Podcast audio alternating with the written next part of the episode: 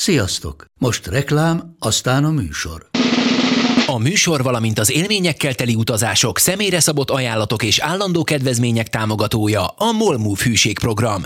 Nyisd meg a Molmove appot a profilodba belépve, add meg a Sport TV promóciós kódot, és tankolj Molevo és Evo Plus üzemanyagjainkból 15 forint per liter kedvezménnyel. Ne feledd, a Sport TV promókóddal most még jobban megéri Molmove tagnak lenni. Vége a reklámnak, jön a műsor. Itt a Lega Favorita, a Sport TV legújabb podcastja, melynek majdnem minden percét az olasz focinak szenteljük. A mikrofonnál Takács Rita, Méhes Gábor és Kéri András Dániel.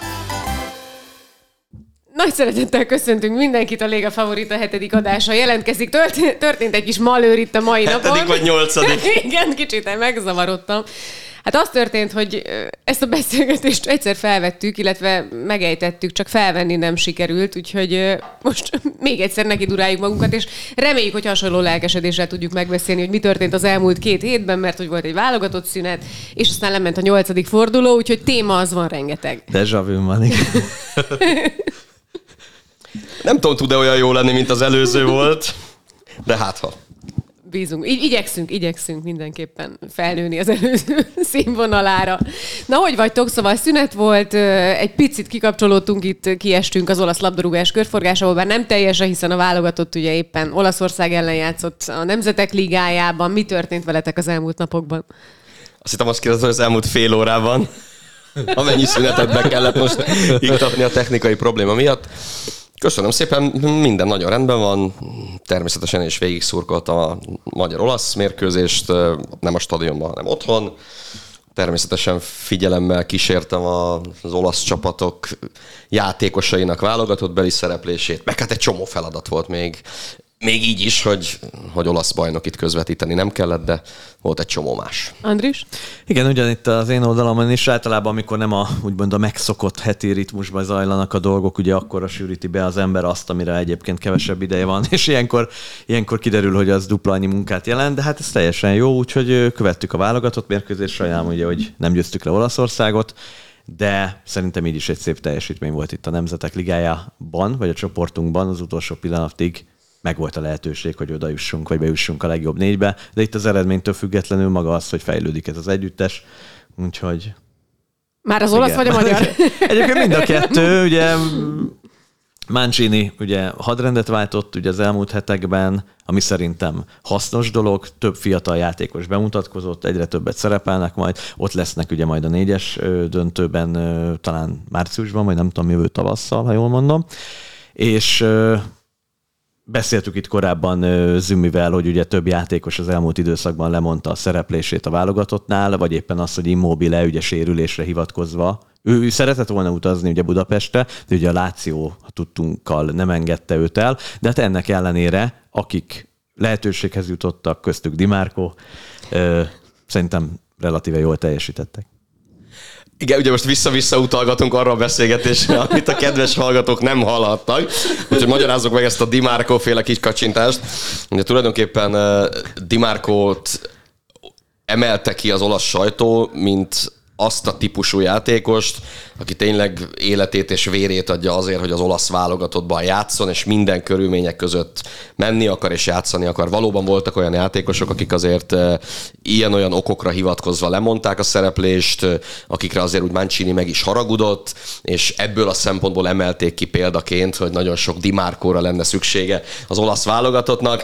Én meg erre mondtam azt, hogy ez egy picit azért problémás. Értem én, hogy nyilván az alázat meg az akarat az, ami, ami Dimárkó esetében nagyon-nagyon fontos, de valószínű jobb lenne az olasz válogatottnak, hogyha nem nagyon-nagyon sok Dimárkójuk lenne, hanem sok Del Pierojuk, meg sok Baggiojuk, és még, még lehetne még lehetne sorolni. Hát a válogatott meccs meg alakult, ahogy alakult, alakulhatott volna másképpen is. Mm, Nekem nem volt túl jó érzésem a végeredményt, illetően a meccset megelőzően. Hát sajnálom, hogy ebből a szempontból igazam lett. Itt sorra hozta a bravúrokat a magyar válogatott, de valamiért az olaszok elleni találkozók azok nem sikerültek, úgyhogy ez vajon milyen tendencia, vagy milyen következtetésre lehet ebből jönni? Alapvetően, hát olasz csapat ellen, vagy válogatott ellen mindig is az ellenfeleknek nehéz futballozni, mert egészen más stílusban játszanak, mint általában más ellenfelek, tehát ez szokni kell. A másik dolog az, ami ugye a tavalyi esetben is előfordult két, ugye dupla vereség esetében Albánia ellen, hogy a túloldalon is olasz szakvezető ül, tehát amikor egy olasz edző taktikai húzásai vagy meglátásai hasznosak mondjuk Anglia, Németország vagy egyéb ellenfelek ellen, vagy nyilván nem mindig, de hasznosak tudnak lenni pozitív esetben. Itt sokkal kisebb az esély, hiszen az ellenkező oldalon is ö, hasonló szellemiséget, hasonló futballkultúrából érkező edzők ö, vagy szakmai stáb építi fel az együttest, és nyilván nem ülnek azok a megállapítások, amit esetleg a másik oldalon minőségi játékosok ö, tudnak produkálni. Tehát én ebben látom annak az okát, hogy bár az olaszok ugye tavasszal se voltak formában, mégis megvertek minket kettő egyre ugye az első ö, csoportmeccsen hazai pályán, illetve most is azért kontroll tartották a meccset. Don Donnarumma bravúrokat mutatott be, de ugye ez egy epizód volt. Összességében a mérkőzésen Olaszország akarat érvényesült, illetve, még egyszer mondom, Albánia ellen ugyanezt láthattuk, amikor az ellenfél oldalán egy nagyon felkészült olasz szakvezető utasítására hasonló taktikai elképzelések mentén nyilván nehézségekbe tudott ütközni a magyar válogatott.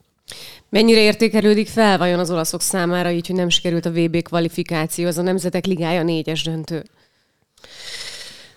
Hát felértékelődni talán nem értékelődik fel, de, de hogy megbecsülik az inséges időkben, az biztos, hogy ugye a második apokalipszisként emlegették azt, hogy, hogy egymás után a második világbajnokságra sem sikerült kiharcolniuk a részvételt ebből a szempontból természetesen minden aprócska kis siker jól jön nekik, és az, hogy nem kell várniuk a következő EB-ig, hogy esetleg egy komolyabb célért, egy trófáért meccseljenek, ez természetesen jól jön, de hogy elfeledtetni nem tudja, és eltakarni, elfedni nem tudja azokat a problémákat, amelyek azért megvoltak az olasz válogatottnál, már az Európa-bajnokság utáni időszakban is, az szerintem egészen biztos. Uh, igen. Mondd, Andris, ha van még hozzá, aztán megyünk tovább a hétvégére. Hát ugye, a, ugye Mancini, hogy nyilatkozott ugye mérkőzés után említette, ugye, hogy nagyon jó ez a négyes döntő, hogy elérték de valójában lemaradtak a világbajnokságról, de a budapesti találkozón is számos fiatal játékos bemutatkozott, tehát náluk a motiváció megvan, hiszen pont ezt a lehető, ez mindig egy lehetőség, hogyha rosszabbul teljesít egy időszakba válogatott, hiszen új játékosok bekerülnek, nekik most adódik meg a lehetőség, és ők ezzel élni szeretnének. Úgyhogy ilyen szempontból szerintem nem lesz probléma a jövőt illetően, és én úgy gondolom, hogy felfelé indult el az olasz válogatott, többek között a taktikai módosításnak köszönhető. amely ugye most akkor először játszott három védővel az olasz válogatott, ezen vitatkoztunk, itt nagyjából két óra vitatkoztunk, az túlzás, de ö, téma volt ez két Te... órával ezelőtt is itt közöttünk. Hát természetesen nem, mert szerintem már sokszor ugye az Európa-bajnokság előtt én írtam elemzéseket Mancini akkor épülőben lévő olasz válogatottjára, vagy még az EB előtt épülő, akkor ez egy másik keret volt, illetve más játékelképzelés mentén építette a csapatot, és akkor is szerintem tolóékkal többször volt három rendszer, de el tudom képzelni, hogy barátságos mérkőzéseken, most 2018-an írtani nem tudok visszaemlékezni, de vagy Szaudarábia ellen és a többi, én emlékszem, hiszen ezeket elemeztem, el tudom fogadni, hogy tétmérkőzésen, főleg most az elmúlt két évben, vagy két-három évben, ez egy újdonság volt. Ezt meg fogjuk nézni a következő adásra. Én bevallom őszintén nem emlékszem erre, de, de megnézzük, tehát ezt megígérjük a hallgatóknak, hogy, mert én ugye azt mondtam, hogy szerintem olyan korábban nem volt, hogy az első pillanattól kezdve, tehát úgy kezdett volna egy meccset Mancinivel az olasz válogatott, hogy három belső védője volt, de ebből csak egy ilyen kis aprócska pengeváltás van közöttünk Andrissal. Megígérjük, hogy a jövő hétre meg fogjuk nézni. Hogy és igazából ezért, ezért töröltük az első adásba, nem tudtunk megegyezni, volt egy hatalmas Abban a pillanatban leállítottam a rögzítést, amikor itt meg... Várj, most megy egyébként? Remélem, úgy tűnik. Nem tovább Rita választotta el bennünket, és utána utána rendeztük a stúdiót, és itt a technikai feltételeket most már úgy higgadtabban értékeljük a Láció szereplését. A Olyan is lesz. Az is, az is, az is mindenképp, de szerintem akkor a forduló rangadójával kezdjük az Inter Róma mérkőzéssel, amelyet kettő egyre megnyert a fővárosi csapat. José Mourinho először győzte le az Intert, egyébként úgy, hogy ugye nem volt ott a kispadon, hiszen eltiltották az Atalanta elleni találkozón. A kérdés az talán az a meccsel kapcsolatban, hogy ezt az Inter veszítette el, vagy a Róma nyerte meg? Melyik állítás az igaz inkább szerintetek? Én azt tudom elmesélni, hogy vasárnap kora reggel, amikor beszéltem Szaniszló Csabival, akkor kérdeztem tőle, hogy na milyen volt, és azt mondta, hogy hát nem volt jó. Most, ha Csabi azt mondja egy 2-1-es San Siro-ban aratott Inter elleni győzelem után, hogy az nem volt annyira jó, akkor az lehet, hogy tényleg nem volt annyira jó. Ebből kiindulva mondhatjuk azt, hogy, hogy ezt inkább, inkább az Inter bukta el. Egyébként ugye azt mondta Inzági, hogy szerinte ez a legjobb Inter volt ebben a szezonban. Ezzel azért vitatkozni is lehet, meg lehet azon morfondírozni, hogy, hogy ezeket a mondatokat hogyan kell értékelni. Kétségkívül megvolt a vezetés, kétségkívül több fontos epizódban azért nem volt szerencséje a, a, az Internek de ez a mérkőzés azért megint olyan tanulságokkal szolgált, amik szerintem, szerintem elég súlyos problémákat vetnek föl, és én nem vagyok abban biztos, ebből is van egy kis vita közöttünk, vagy, vagy ilyen nézett különbség közöttünk Andrissal, hogy, hogy, hogy Inzági meddig, meddig lesz még az Inter edzője, szerintem már nem sokáig. Nem is különbség, én ugye annyit említettem, hogy feltételezem, hogyha eddig nem váltották le, akkor ö, most még egy hónap van ugye a, a szünetig, szerintem marad. Nyilván, ha most Zsinorba elveszti mindkét Barcelona meccset, vagy hétvégen a Sassuolo ellen, akkor lehet, hogy felmentik. De tételezzük fel, hogy nagyjából olyan eredményeket, nem túl kimagasló eredményeket produkál az együttes, de azért hoz győzelmeket, akkor szerintem a következő egy hónapban nem váltják le, mert amikor váltasz, akkor jól kell váltani, nem önmagában kell váltani. Rövid távon feldobhatja a csapatot, hogy átveszi egy másodedző az együttes, de mindkét a három naponta meccsek vannak, egyszerűen nem tudom, hogy melyik ez a tapasztalt szakvezető, vagy lehet persze, hogy már hetek óta tárgyalnak valakivel, és, és a váltás történik, akkor ki lehet e, ezt a tapasztalt, még nem tudjuk, hogy ki szakvezetőt nevezni az Inter élére, de hogy gyökeresen egyik napról a másikra megváltozza a játékképe, szerintem ez januártól várható. Itt ugye mindig az van, hogy egy edzőváltás azért általában rövid távon tud eredményt hozni. Az más kérdés. Már az is jól jönne az internet. Most nagyon jól jönne. Az más kérdés, hogy a kalapban, vagy a közszájon forgó nevek, ugye Kivút emlegetik, aki a Primavera edzője, nem mondom meg, hogy Andris milyen arcot vágott e pillanatban. Én? Kétkedő. Kétkedő, ez talán ez a jó szó. Andris, aki kék, sötétkék polva Milánó felirattal éppen egyébként. Aztán mondogatják már egy ideje Dejan Stankovicsot, és a hétvégén volt egy Stankovics az Inter kispadján. Dejan Stankovics fia, aki először került a meccskeretbe. Aztán mondogatják Paulo Souzát. Oh, na erre Melyik nem tudom, meccs? milyen jelzőt mondjak erre az arcra. Ja, tegnap most... es, ugye? Tegnap esti meccsen láttuk őt egyébként a lelátón. Ugye? Ő elég sok, elég sok meccsen ott Fél van mostanában Olaszországban. Ez hogy izgat néha, igen. De azért az első, vagy, vagy mondjuk az elmúlt, hát nem tudom mennyi, 7-8 év, talán amióta eljött a videótontól, azóta azért nem volt olyan túl sikeres hát. Paulo Souza szempontjából. Meg hát, meg hát természetesen Tuchel neve is fölvetődött annak idején, amikor Tuchelt kitették a Chelsea-től. Szerintem öt perccel később, hogy kijött a hír, írtam Andrisnak, hogy van egy kólám, hogy ő lesz a következő interedző. Azóta nem kaptam meg, de És aztán, hogy ő lesz a következő igen, interedző, igen. ezt nem tudjuk még. Meg azt, azt is hozzátettem, hogy Lukaku-nak meg lehet, hogy két kólája van rá. Imádná a helyzetet. Egészen biztos. Igen. Mert ugye most mi van? Az van, hogy van két Barcelona meccs, meg közte van egy Sassuolo. Én nem látom azt, hogy ez az Inter a Barcelonát a két meccs egyikén is akár meg tudná úgy igazán érdemben szorongatni, és ha mondjuk a Sassuolo sikerül megverni, akkor mi van? Ugye azért érdekes ez, mert a szinte beszéltünk róla korábban, hogy egy jó formában lévő Inter sem feltétlenül kell minden áron, hogy legyőzzön egy Barcelonát, tehát nyilván szurkolunk neki, hogy sikerüljön, de talán még a tavalyi Internél sem egyértelműen elvárható Európában, hogy ezt a Barcelonát minden áron verje meg. Tehát azért ez egy olyan minőségi ellenfél itt Lewandowski-val, és a többi tehát azért ez csalóka is lehet, hogyha ez, itt inkább a mutatott játékképe, hogy mennyire van játékban, vagy mennyire tudja megnehezíteni az együttes, vagy az ellenfél dolgát. Azért volt tavaly, én emlékszem arra, amikor ugye a Liverpool játszott a, a, az Inter, akkor a visszavágó előtt is rosszul teljesített, nagyon enerváltak voltak, Brozovicsék fáradtak voltak februárban, jól emlékszem, vagy, vagy március, nem tudom, akkor volt a visszavágó, és mégis sikerült egy 0 nyerni. Most ez egy dolog, hogy a Liverpoolot természetesen megérdemelten jutott tovább, de nem is volt elvárás. Én csak azt mondom, hogy ha egy jó formában lévő Inter játszana a Barcelonával, e, önmagában még azt se garantálná, hogy itt, tehát hogy mondjam, nem lehet csak az edző nyakába varni, ha egy Barcelona meg tudja verni Európában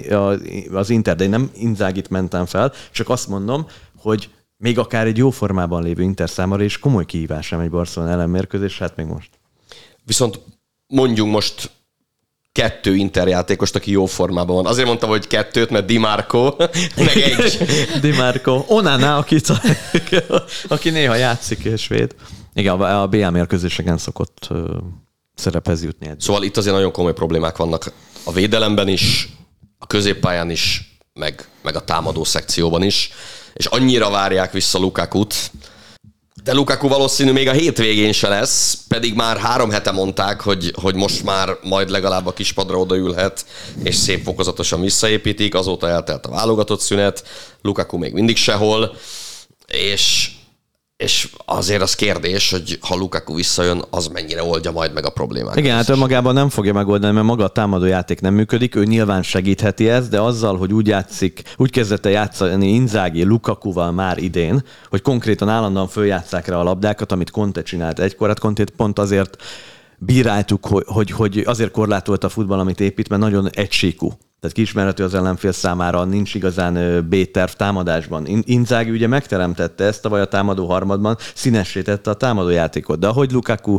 megérkezett idén az Interhez, azt a fajta futballt kezdte hasonló játékrendszerben Inzági, hogy konkrétan ráküldjük fel a labdákat. Aztán Lukaku ugye kivált, Jéko ott van, mint erőcsatár, és ugye Lautaro a másik. Valóban nem rúgnak gól, de itt ugye a támadó játékkal van a probléma, tehát nem feltétlenül csak ez, ez a két játékos a hibás, sőt, mégis Jéko rúgott egy gól, csak ugye pont lesen volt, vagy, vagy lesről született a Róma ellen, hanem hogy a csapat nem tudja a legjobb támadóit helyzetbe hozni, amelyekből tudnának gólt szerezni, és nem csak ismételni tudjuk magunkat, Perisic távozott, nincs az egy-egy ellenjátékban erős ember, a túlodon ott van Dumfries, de ő lendületből veszélyes, nem pedig ha egy az egyben kell rávezetni egy statikus védelem, vagy egy felállt védelemre a labdát. Ott van Gószensz, akit nem tud áthelyezni a túloldalra, mert akárhogy is van Dármiánt legalább tudod mindkét oldalon játszatni. Az egy dolog, hogy milyen színvonal tudnak nyújtani. Hát nem véletlen, hogy Dimárko emelkedik ki ebből a csapatból, aki egyébként egy szép gólt szerzett, mert a mélységet támadta a bal oldalon, de ezek epizódok a mérkőzésen belül. Brozovic nem játszott játszott a Róma ellen. Barella szerintem vannak mérkőzések, amikor igenis jól teljesített itt az új idényben, nyilván vannak, amikor gyengébb.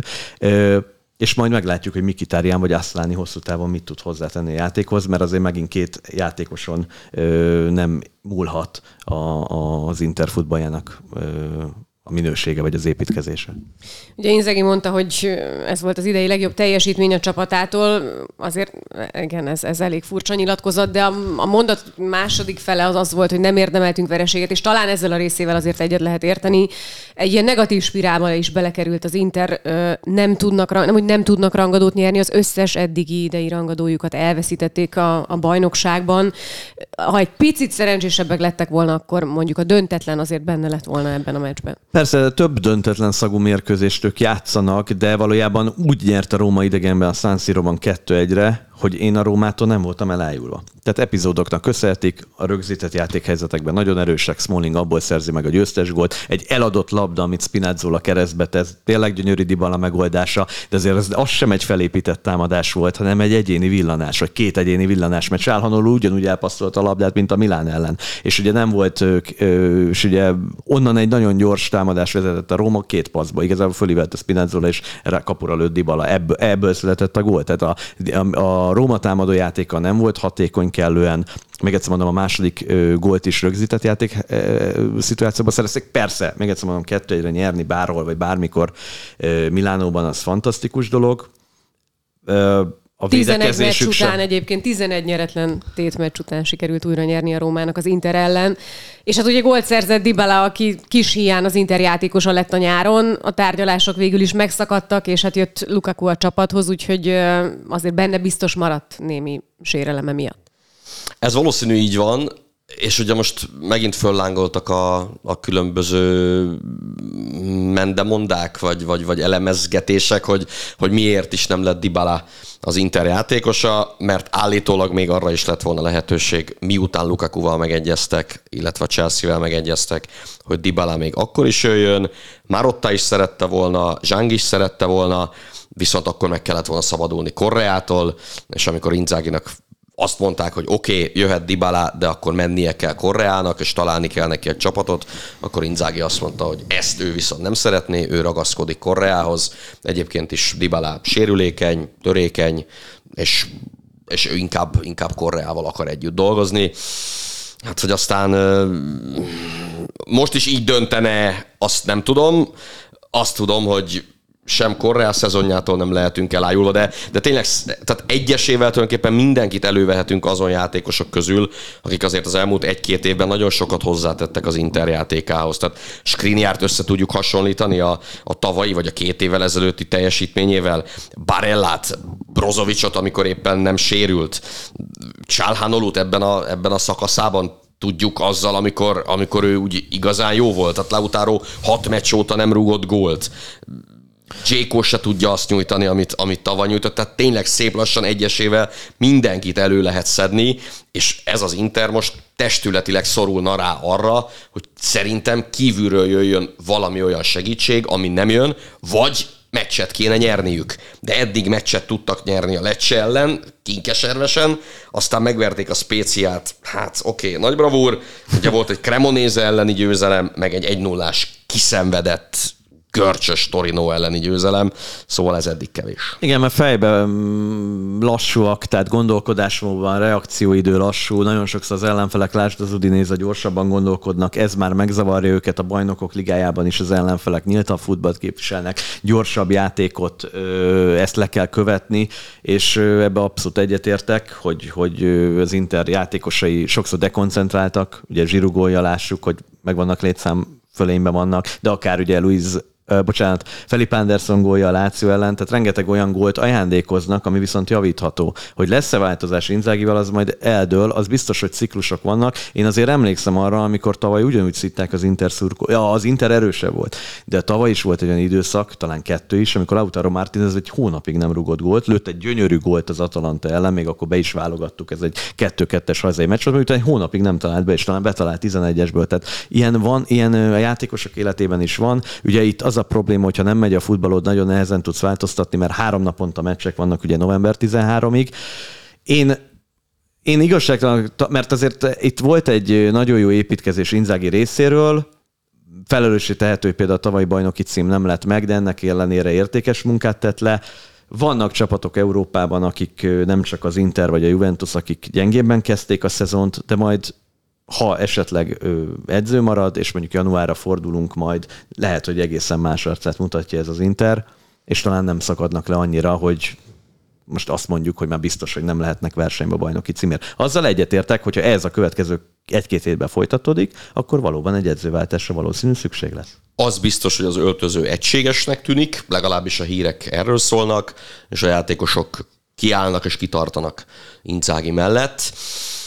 Aztán persze ilyenkor olyan is van, hogy a vezetőség azt mondja, hogy jó-jó, de ha folyamatosan kikaptok, akkor, akkor muszáj lépni valamit, és hát legfeljebb majd szégyelitek magatokat, hogy, hogy miattatok, meg, meg az ilyen típusú eredmények miatt esetleg el kell küldeni azt az edzőt, akihez viszont ti, ti ragaszkodnátok.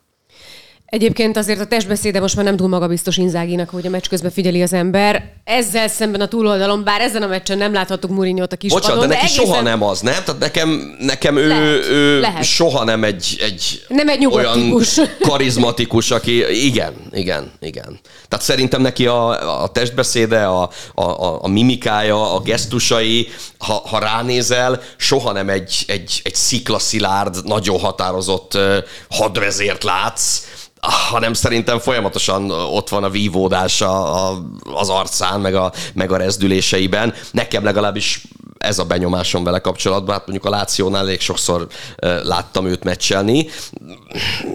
Ettől függetlenül még persze lehet valaki magabiztosabb, kifelé nem is ez érezhető, vagy nem ez látszik rajta de biztos hogy, biztos, hogy most már azért ő is egyre kellemetlenül érzi magát, és nem tud segíteni. Tehát itt, itt ez, a, ez a nagy probléma, hogy, hogy ugye Andris szokta gyakran mondani, hogy legalább lássuk azt, hogy, hogy valamiféle rendszert váltunk, valamiféle hát más hadrendet. Hát igen, mert ugye kéne építeni, tehát amikor, amikor ezt mindig, el, hogy ez egy alapvető iskola, amikor menedzsmentet tanul az ember, hogy felrajzolják a görbét, és van ugye egy ilyen, mit tudom, van egy csúcspont és ugye van egy felfele, meg egy lefelő ívelő görbe. És akkor mindig kérdezik, hogy hol kell változtatni. És akkor mindenki mutatja, hogy amikor lefelé indul a görbe, nem. Hát élő helyzetben, amikor te a csúcson vagy, te nem tudod, hogy a csúcson vagy, mert amikor te a csúcson vagy, mondjuk egy bajnoki cím, te abban bízol, hogy egy hónap múlva az új idényben még feljebb jutsz. Tehát te utólag jössz rá, hogy előtte voltál a csúcson. Tehát azért kell, amikor működik a futball, egyébként az Pioli Milányára is igaz, kell építeni egy alternatív játékrendszert, mert egyre inkább kiismerhető a futball. Nem tudnak újat hozni, a játékosok, ahogy te mondod, nem tudja megtámogatni, ha nem megy a szekér, mert a szakvezető vagy a szakmai stáb nem adja meg azt a lehetőséget, hogy azt mondom, hogy igen, most váltunk, meglepjük az ellenfelet. Tehát két dolgokval segítek. Egy, megzavarom az ellenfelet egy új felállással, de hogyha az hiába változtatok felállást, azt nem gyakorlom a játékosaimmal, nem integrálom abba a rendszerben, nem oktatom, vagy nem gyakorlom velük, hogy ott milyen egyéb eltérő feladataik vannak, mint az alapfelállásban, és akkor egyébként ezzel tudnék segíteni, de mivel ez nem létezik, ezt, ezt nem látjuk. Tehát nem azért nem vált Inzági, mert mondjuk nem jut eszébe, hogy hú, ezt a csapatot meg lehet verni akár egy ilyen formában. Azért nem várt, mert nem bízik benne, mert abban bízik, mert ő úgy gondolja, hogy az alapfelállás legalább abba biztos egy, egy, egy stabil játékot hoz az együttes. Ha vált, lehet, hogy még rosszabb lesz, mint előtte. De azért, mert nem építik. Volt idejük, van idejük rá. Zsozi egyébként kívülbelül nagyon magabiztosnak tűnik, és megint attól függetlenül, hogy a meccsen nem volt ott, azért elvitte itt a, a sót a mérkőzés után, ahogy ünnepelt, és ahogy megjelentek a videók róla, meg ahogy a buszban követte állítólag a találkozót. És ez például egy tök jó párhuzam, vagy összevetés, hogy, hogy Zsozéra, ha ránézel, tehát ha, ha tudja, hogy óriási baj van, akkor is elhiszed neki, hogy ő belül nagyon tudja azt, hogy, hogy mit kellene tenni, mi a probléma, mit kéne változtatni. Tehát itt a karakterek közötti különbség az, az nagyon jelentős, és én nekem meggyőződésem, hogy ezt a meccset pontosan, pontosan Mourinho miatt nyerte meg a Róma, még akkor is, hogyha ha nem, a, nem a kispadnál, meg nem az oldalvonal mellett tette a dolgát, de ugye Mourinho ehhez azért nagyon ért. Tehát az ilyen típusú győzelmekhez nagyon-nagyon ért, az ilyen meccseknek ő azért a, a, a nagy mestere, hogy hogyan kell visszafogott teljesítménnyel, de fontos pillanatban három pontot szerezni nem tudom, a Milán teljesítményére elmondhatjuk, hogy visszafogott volt. Nagyon nehezen tudta legyőzni az Empoli csapatát Pioli együttese, és már elhangzott itt ebben a szobában a mai napon, de hogy még egyszer most akkor rögzítve is következik. Biztos? Tuti? hogy ezek azok a győzelmek, amik aztán viszont nagyot lendítenek egy csapaton, és ami után talán még, még édesebb a, az ünneplés. Három egyre nyert úgy a csapat, hogy végül úgy tűnt, hogy egy nullára kinkeservesen hozza a meccset, aztán a 92. perctől kezdve még három gólt hozott a találkozó. Először egyenlített az Empoli, aztán jött Baloturé, és aztán Leao találata. Vannak személyes sztorik itt ezen a mérkőzésen, úgyhogy ezekre is mindjárt kitérünk, de akkor mi a vélemény elsőként? Hát a bajnoki cím elhódításával megteremtődött a Milánnál egy győztes mentalitás, ugyanaz, ami korábban megteremtődött a Contéval, ugye az Internél, csak amíg ezt eltékozolta az Inter, minek után frissebb bajnok jelenleg a Milán, és látjuk, hogy magabiztosan indította a szezont, ezért képes váltani, mondjuk a Juventusszal, vagy a Interrel szemben, amikor ők bajba vannak, ők nem képesek váltani, a Milán képes váltani. Nyilván kell egy szerencse is, hogy rögtön a egyenlítő gól után a középkezdésből gólt szerezze az együttes, de akkor emeljük ki Piolit, hát feltol, ugye Florenzi már hosszabb ideje kiesett, a jobb oldalon Messias is sokszor sérült volt, Szálemákers ugye ö, megsérült ö, a mérkőzésen, Calabria kiesett, és ugye Kalulut a belső védő pozícióban kihozza jobb oldalra Pioli végre, és ö, Krunic a Jolly játékos pedig ugye fenn a, trekvár, a jobb oldali trekvártiszta pozíciót veszi fel. Hát ha innen nézzük, akkor a második gól sem a véletlen műve, hiszen hosszú felével és követően ő az, aki ugye nagyon szépen Baloturi elé fejeli a labdát, és ezek a szürke játékosok azok, az, akik a nehéz pillanatban ki tudják segíteni a csapatot, mert ugye Teo Hernández nem játszott, Baloturi váltotta, Krunic is azért valljuk meg, nem egy olyan alapember, akit a Milán szurkolók, nem tudom én, a, a, nem az ő mezeit vásárolják leginkább az ajándékboltban, de a csapat, meg a győztes mentalitás, meg a győztes csapat pont arról ismerszik meg, hogy a hogy nem csak a sztárok, a húzó emberek, hanem a kiegészítő emberek, akik a 93. percben el tudják dönteni a mérkőzést és Krunicstól nem tud olyat kérni Pioli, amit, amit ne csinálna meg magas szinten. Úgyhogy lassan szerintem azt is várhatjuk, hogy esetleg, esetleg kapus is lesz, és majd ott is bizonyítani fog. És ha már azt mondtuk, hogy, vagy azt írták, hogy az olasz válogatottnak sok Dimárkóra van szüksége, akkor lehet azt mondani, hogy a Milánnak, meg egyáltalán az olasz csapatoknak sok Krunicsra, sok Krunicsra van szüksége. Ki ne hagyd azt a mondatot, nem maradjon ki. Nem, hát az igen, azt mondtam, se, sok Krunic, mondtál. 11 Krunic disznó győz. De lehet, hogy tényleg így van. De lehet kéne egy ilyen közje, vagy nem tudom, hogy akik tudod így, mint a bíróságokon így írják, amit mondanak, és akkor így visszatud, ha kimarad egy adás, akkor előveszünk, hogy mit mondtunk egy órával hamarabb, és vissza tudjuk mondani. Szóval a személyes uh, sztori, az Baloturé ezen a meccsen azt hiszem, aki elsírta magát a gólját követően, nagy pillanat ez az életében. Egyrészt Teo Hernández helyettesíteni, az, az azt hiszem, hogy elég sok játékosnak jelentős erőpróba lenne, és neki sikerült, ráadásul úgy, hogy gólt is szerzett a találkozón, úgyhogy azt hiszem, hogy ezt, ezt a dátumot hosszú ideig megjegyzi, és majd meséli az unokáinak, hogy mi is történt ezen a meccsen. Annál is inkább, mert ugye a nyáron nagyon sokáig tartotta magát az a verzió, hogy, hogy Báló Touré távozik a Milántól, amit akár meg is lehetett volna érteni, hogyha ő tovább állt volna, mert ugye alig játszott. Tehát nem nagyon kapott lehetőséget. Másrészt ez volt az első gólja a Milánban, meg ez volt az első gólja áligás mérkőzésen, vagy élvonalbeli mérkőzésen egyáltalán pályafutása során, tehát hat évvel ezelőtt, közben Andris leitta magát, örömében vagy bánatában, nem? Nem, mindegy, nem érdekes. Hát az... Szóval az a lényeg, hogy hat évvel ezelőtt egy Paris Saint-Germain B, rend is B igaz. meccsen rugott gólt Báló Touré, Csak vízzel. Enkunkuval játszott egy csapatban, meg Zagaduval játszott egy csapatban, meg Ikonéval játszott akkor egy csapatban, de az egy negyedosztályú francia bajnoki volt, ez meg mégiscsak egy, egy olasz áligás meccs, ráadásul egy-egynél a ráadásba, szóval ez valóban egy, valóban egy nagyon-nagyon szép história. És, és így meccset nyerni, ez, ez biztos, hogy ráadásul ne felejtsük el, hogy a Milánnak ugye most a következő bajnoki, az a Juventus elleni bajnoki, tehát, tehát bármi is történjen a BL-ben, azért, azért mégiscsak ennek a meccsnek a muníciójával mennek majd bele a Juventus elleni csatába. Csak a kérdés, hogy hány játékossal, most a bajnokok ligájában 15 bevethető mezőnyjátékosuk van, ö, rengeteg, rengeteg játékos megsérült, ugye itt az Empoli elleni találkozón is többször kellett kényszerűségből változtatni Piolinak, úgyhogy ö, hogy a következő meccseken hány pontot fog tudni szerezni az együttes, az, az meghatározó lesz majd nyilván a bajnoki cím szempontjából, és hogy sikerül-e tényleg pótolni ezeket a hiányzó játékosokat. Nem lesz könnyű. A tavalyi szezonban 13 játékos számoltunk össze, akik egy időben hiányoztak ilyen január-február környékén, vissza is esett akkor a Milán teljesítménye, még akkor is, hogy egyébként a derbit, azt az ominózus derbit Giroud duplájával éppen abban az időszakban nyerik meg, de ettől függetlenül ez tény. A másik dolog, hogy viszont a tervezés szerintem nagyon jó, ahogyan gazdálkodik a klub, ahogyan felépíti a játékos keretet és a, a szakvezető számára oda teszi, tehát azt, hogy elhozták Destet, pedig megvoltak ugye jobb oldalon, nyilván Florenci ugye kiesett hosszú időre, és ugye a, fel, előbb nem rögzített adásban azt említettem, hogy a spanyol szemmel nézem, akkor ugye a Dest mekkora kiváló labdarúgó, mert például Florencinél vagy Calabriánál jobban tudja segíteni a támadásokat, viszont ha meg olasz vonalról közelítem meg, akkor viszont Calabria sokkal nagyobb biztonságot okoz, hiszen ő is kiesik.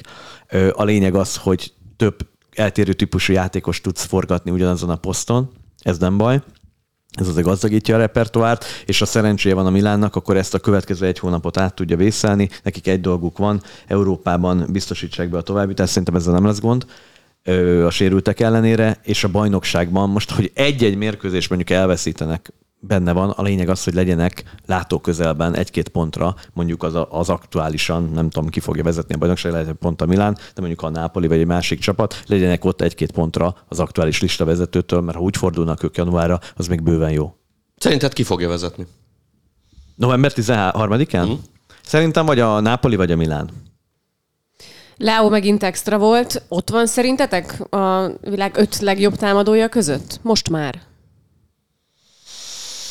Fú, én ezeket nem nagyon szeretem, ezeket a top 3, top 5, top 10. Szerintem, szerintem nincs még. A potenciál benne van, de, de még nincs. Annál is inkább, mert elég hullámzó a teljesítménye. Nem mindig lehet tudni, hogy éppen milyen lábbal kelt fel, és ez nyilván egy edzőnek azért elég nehéz, hogy hogy persze fohászkodik, hogy, hogy legyen ez is egy jó nap, de, de ebben egyáltalán nem lehet biztos. Szóval ott lesz, de még nincs ott szerintem. Én is így gondolom. Majd a bajnokok ligájában eldönt majd még egy-két komoly ellenfél ellen mérkőzéseket, meg még fejlődik. Meg egyébként eh, valóban nem mindig játszik jól, hozzáteszem, egy azon mérkőzésen belül is sokszor eltűnik. Tehát szint tud vinni a játékba, ha rájön ki a, a, a futball. De egy rangadón is, egy Inter ellen, vagy egy Ró, vagy stb. mondjuk nem tudom, a 90-ből van, hogy 60-70 percre eltűnik. Tehát vannak momentumai, amikor kiváló, és azért azt nem felejtjük el, és ez pozitívum, hogy most is ugye a Inter elleni derbin, amikor nagyon kellett, meg tavaly, amikor a bajnoki címhez szükséges volt az utolsó 6-7 mérkőzést megnyerni, akkor ő végig ott volt, és végig kiválóan teljesített. Tehát egy olyan típusú futbalista, ki szerintem 30 mérkőzésen nem tudja hozni a formáját, de amikor nagyon kell, akkor eddig legalábbis a Milán tudott rá számítani, fejbe kell ott lennie. És a Milán azt a meccset vesztette el, amin ugye ő eltiltott volt. Ugye a Napoli elleni bajnokin.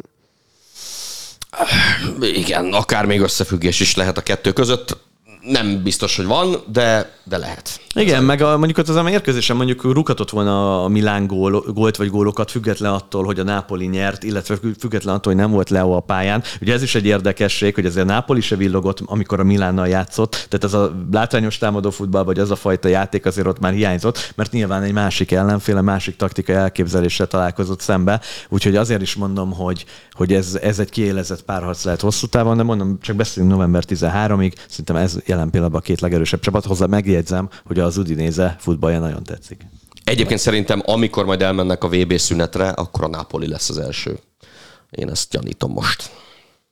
A Milán következő ellenfele, tehát a bajnokságban a Juventus lesz, úgyhogy jöjjön róluk is pár gondolat. Allegri azt mondta, hogy egy új bajnokság kezdődik most ezzel a 12 meccses periódussal, vagy egy új időszak, ugye ebben nyilván BL meccsek is vannak, és ez az új időszak jól kezdődött a Juve számára, 3-0-ra nyertek, magabiztos teljesítmény nyújtottak, de nem tudom, hogy azért egy Bolonya elleni találkozó az, az mennyire lehet értékmérő, szabad-e optimistának lenni egy Juventus szurkolónak ezután a meccs után, mennyire szabad bizakodni a sikert követően? Az az igazság, hogy rendkívül jó ellenfelet kapott a Juventus abból a szempontból, hogy ezt a mérkőzést könnyedén megnyerje. Ehhez képest azért ugyanúgy egy szenvedős játékot tapasztaltunk a mérkőzés első felében. ugye Juventus a Sassuolo-t is a nyitófordulóban 3 0 megverte, ott is elmondtuk, hogy a 0-0-ig azért nem úgy működött a futball, az epizódok nagyon komoly szerepet játszottak benne, hogy ennyire sima lett a végeredmény, és azok a hiányosságok később előjöttek más találkozókon. Na most amióta Tiago Motta a Bologna edzője, borzalmasabb a csapat, mint Mihajlovicsal volt, mert addig Arnautovics legalább érezte a kaput, most Andris, már az sem. Tiago Motta rajongó. Igen, ezt nem mondhatjuk, hogy... Nem, nem, bocsánat, hát bármelyik Bologna szurkolót bárki kérdezze meg, de mindegy. Én csak azt állítom, hogy amit ugye mindig elmondok, hogy aki. elég sokan vannak ott állnak sorba. szólni a témához. Hát mondjuk egy Palladino, ha Galliani vagy berlusconi most nem nevezik ki, Palladino szintű edzők vagy tehetségek mondjuk így nem kapnak lehetőséget, egy Tiago Motta megkapja a neve miatt, már bocsánat, de ez az igazság. Tehát most ez a Gotti megkapta a lehetőséget, hol tart, Gianpaolo megkapta a lehetőséget, hol tart. Csoff.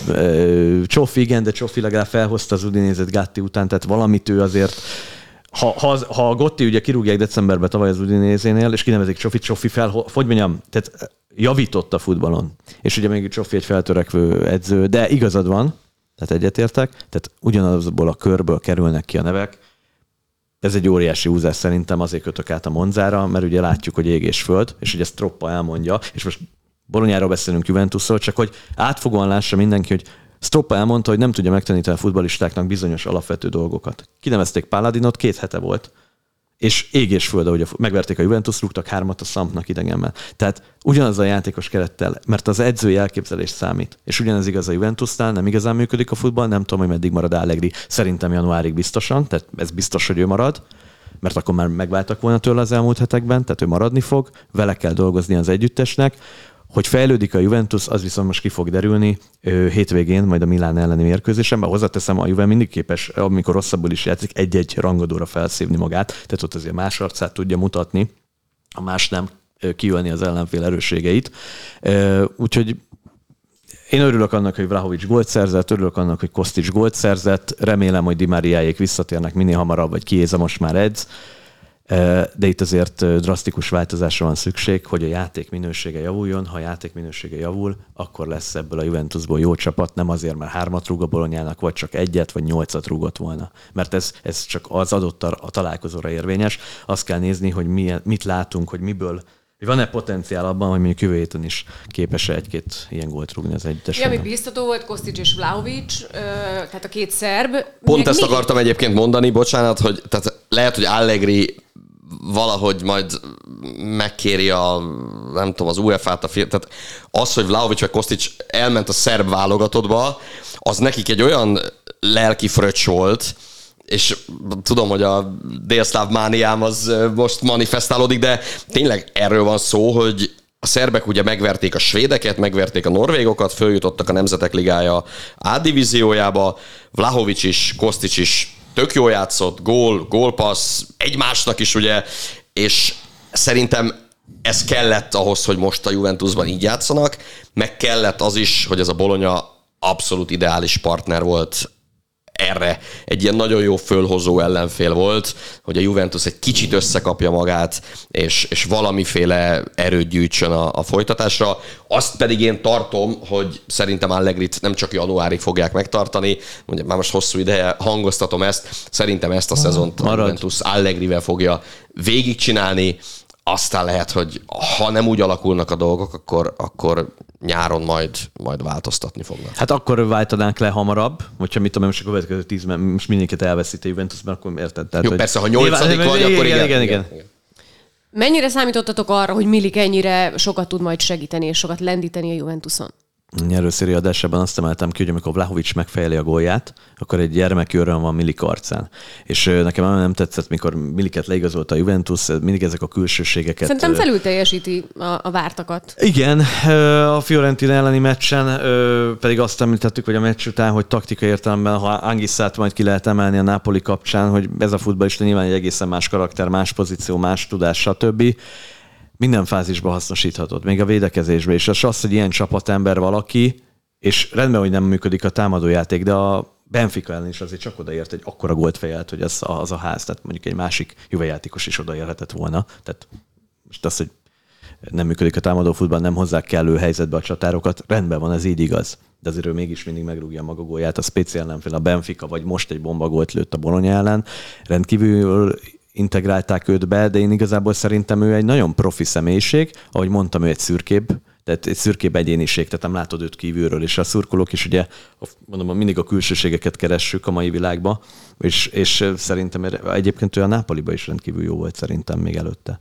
Én nem gondoltam, hogy ennyire hasznos lesz. Megjegyzem, ha ez a Juventus úgy menne az első fordulótól kezdve, ahogy sokan gondolták, hogy menni fog, akkor nem biztos, hogy Milik ennyit játszana. Tehát eh, ahhoz, hogy ő ennyi lehetőséget kap, és hogy ilyen komoly szerepe van, abban benne van az is, hogy hogy Allegrinek muszáj volt kevergetni, nézelődni, variálni, és aztán, és aztán megtalálta ezt a típusú miliket, és ez, és ez tök jó. Én nem gondoltam. Én szkeptikus voltam, hogy egyáltalán miért hozzák a Juventushoz. De ah. szerintem Andris is az, hogy kellett még valaki, az mindenféleképpen jó, hogy jött, hogy most pont Milik ö, erre én se gondoltam így. Nyilván volt itt azért egy gazdasági, ö, gazdasági oka is ennek, hogy őt hozták, de hozzáteszem, jó járt. És egy másik dolog, rendben van, hogy a kellett ahhoz, hogy a Juventus nem működött, de egy nem működő Juventusba játszik ő is, és mégis mindig teljesít. És mondom, több fázisban, tehát nem csak a gólok dicsérik, vagy dicsőítik őt, hogy így mondjam, úgyhogy rendkívül nagy érték lehet hosszú távon, és egy, a, ha Juventus történelmét megnézzük, a Manzukicsok, a Paulo Szózák, a Konték, most nyilván eltérő Cabrinik, hogy mondjam, soha nem technikai értelemben világklasszisokról beszélünk, hanem a alázattal, az odaadással, a harcossággal. A Juventus mindig ilyen klub volt, tehát nem mint a Milán vagy a Real Madrid, hogy a játékos, kreatív, technikás futballistákat vásárolják meg. Tehát ebbe a koncepcióba egy Milik szerintem rendkívül módon beleillik. A Napoli jöjjön, bár előbb itt már ugye többször is elhangzott, és szerintem számítottatok rá, hogy velük folytatjuk, mind a ketten őket várjátok a, az érre fél évkor, de gondoltam egy kis csavarral itt megleplek titeket, mert a Juventusról még az előző műsorban, amit nem rögzítettünk, nem beszéltünk, úgyhogy egy picit ezzel meg tudtunk újulni. A Napoliról volt már szó, de akkor most jöjjenek ők ismétlésben itt számunkra. Tehát nagyon mély a keret, ami nagy előny úgy tűnik a többiekkel szemben, ráadásul ez a mély keret, ez most gyakorlatilag Oszimenen kívül rendelkezésre áll, tehát nincs olyan jellegű probléma, mint a Juvénál vagy a Milánnál, hogy sok lenne a sérült, és hát tényleg csodás gólok születtek, ahogy egyébként a Láció meccsén is, majd arról érdemes beszélni, hogy, hogy mennyire gyönyörű. Arra mindenképpen. Szerzett a, a csapatod. A Napoli nagyon simán verte meg a Torinót, a Torinót nem szokták agyonverni, végül most se lettek agyonverve, mert 3-0 után a Napoli nagyon befékezett. és tulajdonképpen már az első félidő végén lehetett volna a 3-0-ból 3-1 és 3-2, és aztán a második félidőben volt, hogy meretnek nagyot kellett védenie, de, de minden esetre ahogy a 3-0-ig a Napoli futballozott, egy, egy ilyen massz, egyébként masszív és, és stabil Torinóval szemben, azt, azt azért élmény volt nézni. Simán elbírják azt, hogy nincs Ossimen, tulajdonképpen mindenki hát, túlzás, nem túlzás, élete formájában van, mert szerintem ez se áll nagyon messze a valóságtól. Angisszáról ódákat lehet, de tényleg sorolhatnánk egyesével mindenkit, hogy, hogy, hogy ki mit tesz hozzá, és és hát persze mondogatják a szkeptikusok, hogy a Spalletti azért majd még elronthatja, mert, mert volt már olyan, hogy, hogy esetleg hasonló szituációban rontott. Szerintem ez a Napoli ez végig harcban lesz a bajnoki címért. És ez a Napoli az erősebb, mint a tavalyi volt. Az biztos. Igen, erősebb is és frissebb is, mert a, akik beilleszkedtek új játékosok, azonnal teljesítenek, egy újabb generáció, gondolkodásban is gyorsabbak, szerintem fizikálisan is többet tudnak bírni, mint mondjuk a 30-as évei már jócskán benne lévő mondjuk sérültebb, többet vagy többet sérült Mertens Insigne, és a többi. Működik a futball, Angisszát igen ki kell emelni, mert ha Milikről beszéltünk, mindhárom játékfázisban kiemelkedőt tud nyújtani, most ugye már gólokat szerez, ennek az adnak is köszönhető, hogy most fentebb helyezkedik, de ez kell az, hogy olyan társai vannak, akik megteremtik számára, hogy egy biztonságot nyújtanak számára, hiszen ő azért mehet fel, mert ha egy labdaeladás lenne, akkor ugye ha az ellenfélhez kerül a labda, akkor is egy elzárják esetleg a területet a társak. Hát Lobotka szerintem egy kulcs. Én nagyon szerettem ugye Fábián Ruiz, szerintem hosszú éveken keresztül, nekem a kedvencem volt a Nápoliban, a, amikor Fábián Ruizzal futballozott az együttes különböző szakvezetők alatt. De Lobotka volt ideje, ez is mentálisan egy, egy, egy nagyon komoly erőssége szerintem, hogy volt ideje kivárni a sorát, ahogy bekerült, azonnal a kezébe veszi az együttest, a Liverpool ellen zseniális volt. Szenzációsan futballozik, tehát én úgy gondolom, hogy a Lobotka Angissa párosod belül ki lehet emelni Zselinszkit, Kvarachéliát van. E, olyan szinten megalapozza. 15 játékos Igen, igen, de Lobotka nélkül fel ennyire forogna ez az együttes, tehát ez, ez az ember, ez valami olyan szintet hoz, magyar válogatottnak lenne egy ilyen képességű mélységi játékszervező több poszton bevethető, de mondjuk akkor mondjuk így mélységi játékszervezője, az fantasztikus lenne. Tehát én azt mondom, a Lobotka Angissa páros, és ugye Kvaracélia, akik igazán viszik ezt az együttest, de e, abszolút egyetértek. Hogy mondjam, nagyon könnyű kiemelni mindenkit egy olyan időszakban, amikor megy a, megy a csapatnak. Lesz majd olyan időszak, amikor esetleg ez nehezebb lesz, és akkor majd kiderül, hogy az igazi karaktere ezeknek a futballistáknak. Abszolút egyetértek, hogy nagyon jó futballoznak. Két dolog még. Az egyik az, hogy a világbajnokság valószínűleg a Napolit kevésbé fogja megterhelni, mint a riválisokat. Tehát kevesebb játékosuk lesz ott a VB-n, mert ugye az olaszok nem lesznek ott, Rachvánia védelemből nem lesz ott, Lobotka nem lesz ott, Osimen nem lesz ott, Kvaratskhelia nem lesz ott, tehát ott azért lesz majd egy, egy olyan periódus, amikor, amikor lehet rehabilitálni, meg egyáltalán erőt gyűjteni a, a folytatásra. A következő két bajnoki az Cremonese és Bologna a Napolinak, tehát ez elvileg két olyan meccs, ahol, ahol még hat ponttal lehet erősödni. Jön két Ajax elleni meccs a bajnokok ligájában, ebből tulajdonképpen egyet elég megnyerni ahhoz, hogy, hogy a továbbjutást félig meddig el is intézzék. Szóval ez most kétségkívül egy, egy nagyon jó pozíció, és azzal maximálisan egyetértek, hogy ez egy sokkal flexibilisebb, sokkal, sokkal erősebb és több lábon álló keret, mint, mint a tavalyi volt. Hogy tetszett a Láció? Tényleg a gólok, ugye Andris választott tegnap a nyerőszériában legszebbeket, és én azt mondtam neki, hogy ebből a négyből egyébként, hát Bármelyik egyet, lehetett volna. bármelyiket betehetett volna. Tehát ha három Láció lett volna ott a legszebb háromban, az se lett volna meglepetés.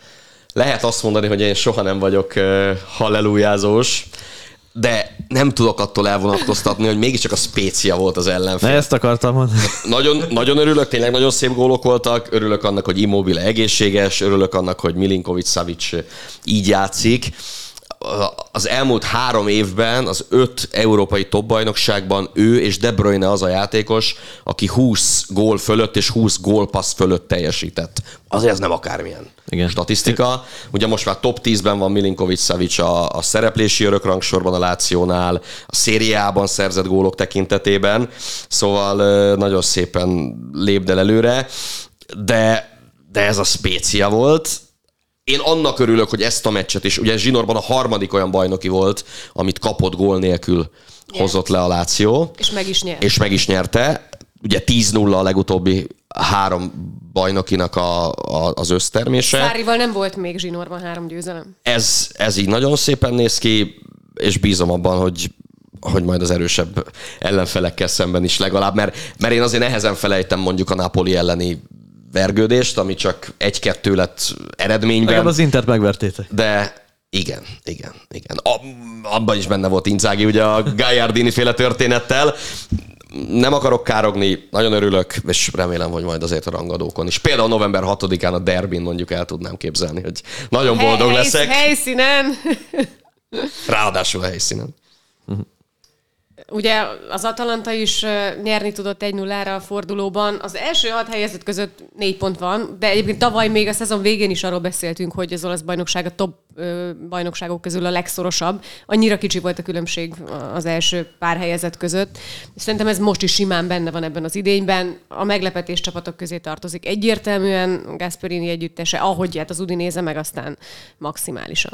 Igen, hogyha, hogy az Ümi említett, és csatlakozom ez a gondolathoz, valóban előny lehet a Nápoli számára, hogy mikor januárban visszatérnek a VB után, ugye az ő játékosaik, vagy akikre épül igazán a mag, a kezdőcsapat, vagy akár az egész keret legjobb futbalistái, ugye ők nem lesznek megterhelve ugye a világbajnoki szereplés miatt. Hozzáteszem, lehet azért ez egy komoly törés, hogy amikor lendületben vagy és novemberben befejezed, és csak januárban folytatod, akkor nem biztos, hogy pont úgy fogsz tudni teljesíteni, függetlenül attól, hogy te elméletileg pihentebb vagy, vagy egyszer a csapatoddal.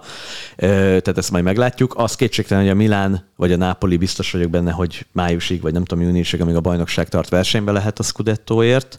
Az Atalantáról nem vagyok meggyőződve, de kétségtelen, hogy az Atalanta is jól indult.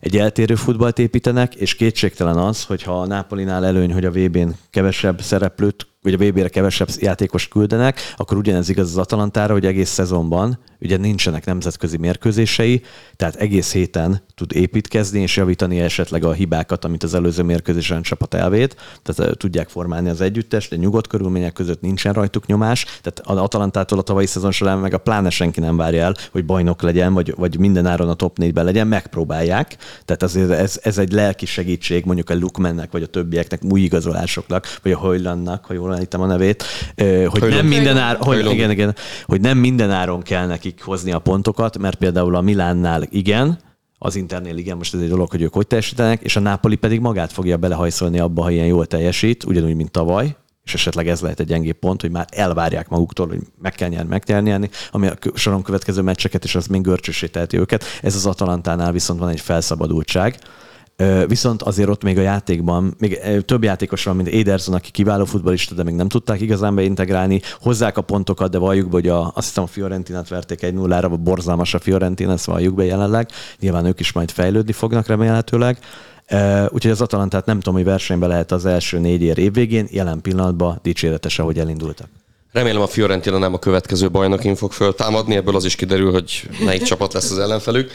És még egy mondat az Udinézéről, mert ők is megérdemlik szerintem, illetve inkább egy kérdés, hogy vajon mi van Gotti, meg Csoffi fejében, amikor látják, hogy ugyanaz a keret jóformán, ugyanaz a csapat most így teljesít, és hogy hogyan teljesített velük. Mert oké, okay, Lovric új játékos, Biol új játékos, a többiek meg nagyjából maradtak, és persze volt egy csomó változtatás, tehát itt azért kulcsemberek játszanak más szerepkörben és más feladatkörrel, mint, mint tavaly, de azért össze se lehet hasonlítani, tehát nem lehet egy galaxisban említeni a tavalyi tök unalmas Udinézét az idei Udinézével. Ugye ezt Stroppa esetében említettem, hogy ő hiába ö, említi, hogy a játékos kell gyenge, vagy nem tudják az első osztályban bizonyos dolgokat megoldani, hát jött egy változtatás Páladinóval, és az ott azonnal látod a különbséget, Giampolot végre kirúgták, elképzelhető, hogy aki jön, vagy Daverset visszahozzák, ott is rögtön látsz egy ilyen változást. Tehát a Sampdoria játékosai se felejtettek el futballozni. Az Udinézénél ugyanígy, tehát azért mondom, hogy, és ez nem kell egy nagy játékos múlt, tehát e- ez egy óriási tévedés, és azok az országok, ahol nyitottabbak a, a tudásra, vagy ahol látják, hogy vannak személyek, akik átfogóan tudnak futballról gondolkodni, és egy olyan játék, játékot építeni, mint Szotti jelen pillanatban, és megadják neki az esélyt. Mert, mert ugye Szotti esetében mi történt? a legnagyobb érdeme a, szériát, a harmadosztályban másodikba fölhozta egyszer a Livornót. Tavaly meg bejutottak a, a Széria B-be a, a play-offba, azt hiszem az Ascoli csapatát edzette, ennyi. Kinevezik az Udinézéhez, és csodákat művel úgy, hogy ha jól emlékszem, Pablo Mari távozik, a két legjobb szélső Molina távozik talán az Atletico Madridhoz. A bal oldalon Szopi, ha jól mondom, Szopi, ő az Atalantához, tehát a legerősebb játékosok a szélső játékhoz elmennek. Ennek ellenére szélső futballt építenek, az idős tapasztalat Pereirát kiteszi a jobb oldalra, aki ideig középen futballozott, vagy a csatárok mögött. Szenzációs Pereira, Deolofeo mindenhol feltűnik. Tehát egyszer majd, hogy mondjam, akik a jövőbe látnak és, és átérzik, hogy ha valaki átfogóan képes a futballról gondolkodni, független attól, hogy volt-e komoly pályafutása vagy nem, mert valljuk be Mourinho-nak, mert Márcson Lipinek sem volt olyan pályafutása, amivel predestinálták volna őket, hogy ilyen sikeres futballista karriert tegyenek, vagy Árigo Szakkinak, és mégis megcsinálják, akkor ha így kezdünk gondolkodni, akkor én úgy gondolom, hogy nagyon nagy bátorság és nagyon nagy bravúr volt az Udinéze részéről, a Pozzó család részéről kinevezni Szottilt. És a hétvégén Udinéze Atalanta van. Igen, ezt azt Hoppá. ezt a meccset egyébként, ezt én is felírtam magamnak, mert ez, ez jót, jót ígér. Mindenféleképpen, és beszéltünk ugye az Atalantáról, hogy jó paszban vannak. Ha nagyon szigorúan nézem, az Udinéze játéka nem azért, mert úgymond látványosabb jelenleg, mint a mostani Atalantáé, hanem ö, jobban működik talán. Az Atalant is hozta az eredményeket, de, de azért ott, ott még, még nagyon sokat kell nekik fejlődni. Még azt is mondanám, hogy talán most az Udinese egy fokkal, egy picit talán esélyesebb ezen a hétvégi meccsen. Na de addig BL, kedd szerdán, úgyhogy ma este és holnap is kövessétek a Sport TV-t, hétvégén pedig akkor ugye nem csak ez a meccs következik, hanem ugye mondtuk, hogy a Milan és a Juventus találkozik majd egymással, úgyhogy érdemes lesz majd követni bennünket egész héten. A podcast már a véget ért. Zümi Andris, köszönöm, és találkozunk egy hét múlva is. Sziasztok! Szép napot! Mindenkinek minden jót! A műsor a Béton partnere.